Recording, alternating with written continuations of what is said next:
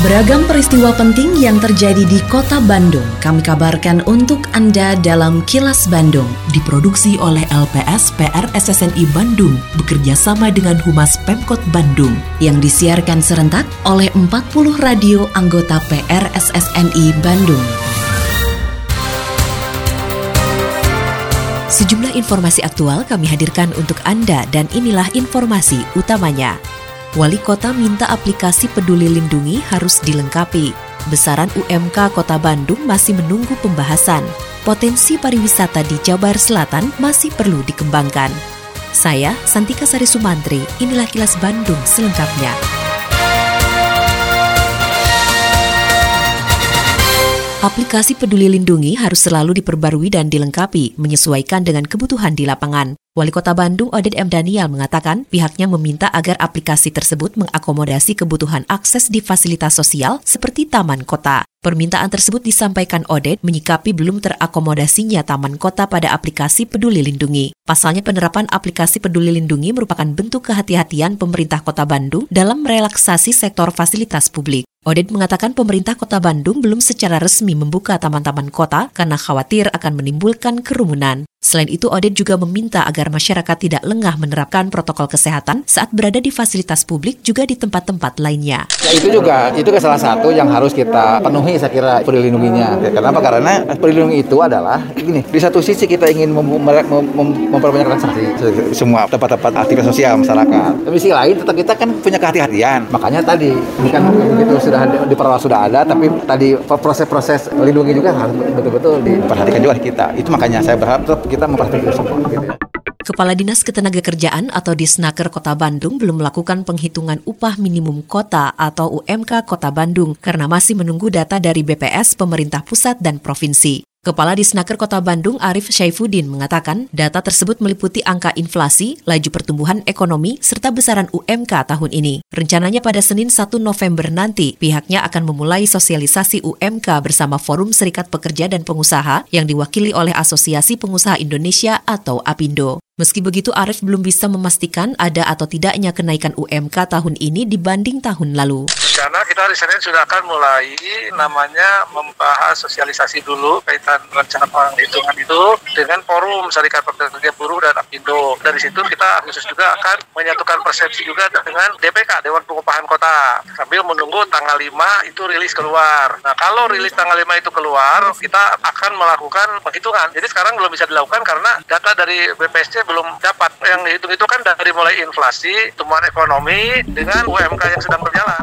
Peringatan Hari Sumpah Pemuda tahun 2021 ini harus bisa mendorong semangat kepemudaan di Kota Bandung. Kepala Bidang Pembinaan Pemuda pada Dinas Pemuda dan Olahraga Kota Bandung, Dadang Setiawan mengakui terjadinya pandemi COVID-19 membuat banyak kegiatan kepemudaan di Kota Bandung menjadi berkurang. Untuk itulah digelar beberapa kegiatan pasca puncak acara peringatan Hari Sumpah Pemuda tingkat Kota Bandung, di antaranya bebersih jalan dan taman yang melibatkan kalangan pemuda dan komunitas, sehingga diharapkan dapat menggelorakan kembali semangat kepemudaan di Kota Bandung. Yang harus dipahami bahwa selama pandemi COVID-19, kegiatan kepemudaan itu hampir vakum dan ini membuat banyak kebuntuan, banyak kebekuan, kevakuman di kalangan cara berpikir, cara bersikap dan bergerak anak-anak muda di Kota Bandung. Sehingga event uh, Hari Sumpah Pemuda harus didorong untuk menggerakkan bagaimana menggelorakan lagi semangat kepemudaan di Kota Bandung. Assalamualaikum warahmatullahi wabarakatuh. Sampurasun. Saya Kenny Dewi Kaniasari Kepala Dinas Kebudayaan dan Pariwisata Kota Bandung Menginformasikan kepada Mitra Pariwisata Kota Bandung Bahwa berdasarkan Peraturan Wali Kota Bandung Nomor 103 Tahun 2021 Tentang pemberlakuan pembatasan kegiatan masyarakat level 2 di Kota Bandung.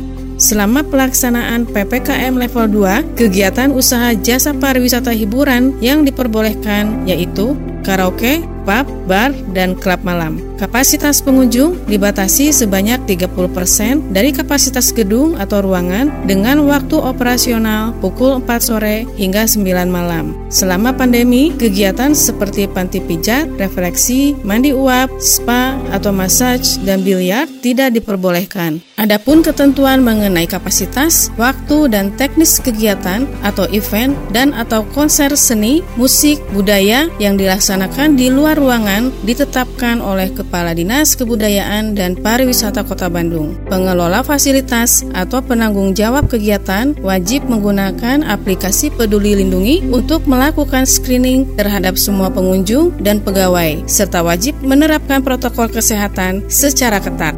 Ayo bersama-sama melaksanakan protokol kesehatan dengan disiplin. Iklan layanan masyarakat ini dipersembahkan oleh Dinas Kebudayaan dan Pariwisata Kota Bandung. Lonjakan kasus COVID-19 di Indonesia diprediksi akan kembali terjadi pada Desember 2021 mendatang jika masyarakat mengabaikan protokol kesehatan. Direktur Pelayanan Medik Keperawatan dan Penunjang RSHS Bandung, Yana Ahmad, menyatakan meski tidak mengharapkan terjadinya lonjakan kasus COVID, pihaknya sudah menyiapkan tenaga kesehatan, juga fasilitas kesehatan termasuk kebutuhan obat-obatan. Menurut Yana, meski sejumlah fasilitas dan tenaga kesehatan sudah direlokasi, RSHS tetap siap menghadapi lonjakan kasus COVID-19.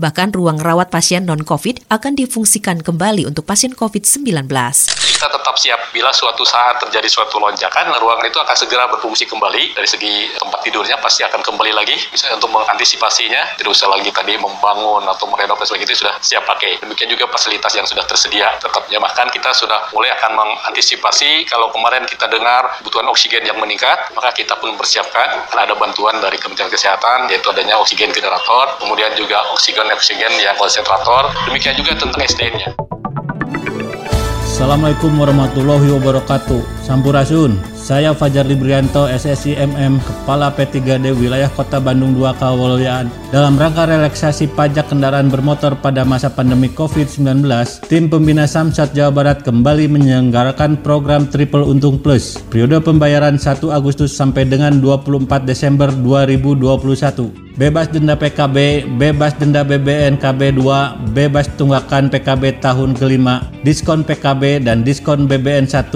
Syarat dan ketentuan berlaku. Untuk pembayaran pajak kendaraan tahunan wajib pajak bisa menggunakan inovasi layanan elektronik Samsat, tabungan Samsat, Sambara, dan Samsat Jebret. Jangan khawatir, di setiap kantor pelayanan Samsat di Jawa Barat dilaksanakan protokol kesehatan pencegahan COVID-19. Ayo disiplin protokol kesehatan 5M jika keluar rumah dan masuk rumah jaga kesehatan. Mari bersama cegah penyebaran COVID-19. Pembiayaan pencegahan penyebaran COVID-19 berasal dari pajak baraya. Hatur nuhun. Wassalamualaikum warahmatullahi wabarakatuh. Untuk lebih lanjut, kunjungi Samsat Kota Bandung 2 Kawaluyaan atau layanan-layanan yang ada di wilayah Kota Bandung 2 Kawaluyaan. Terima kasih. Kini, audio podcast siaran Kilas Bandung dan berbagai informasi menarik lainnya bisa Anda akses di laman kilasbandungnews.com.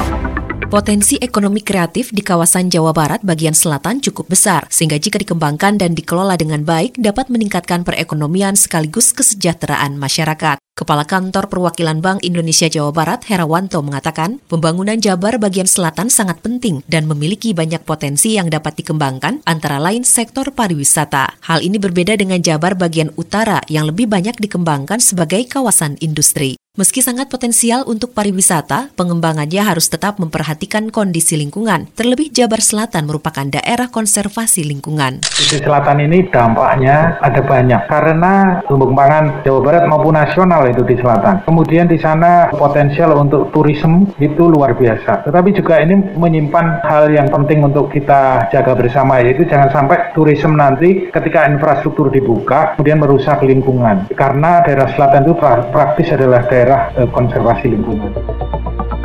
Tetap patuhi protokol kesehatan di masa adaptasi kebiasaan baru untuk memutus penyebaran COVID-19 selalu memakai masker, mencuci tangan, menjaga jarak dan menghindari kerumunan, serta mengurangi mobilitas agar terhindar dari terpapar virus corona.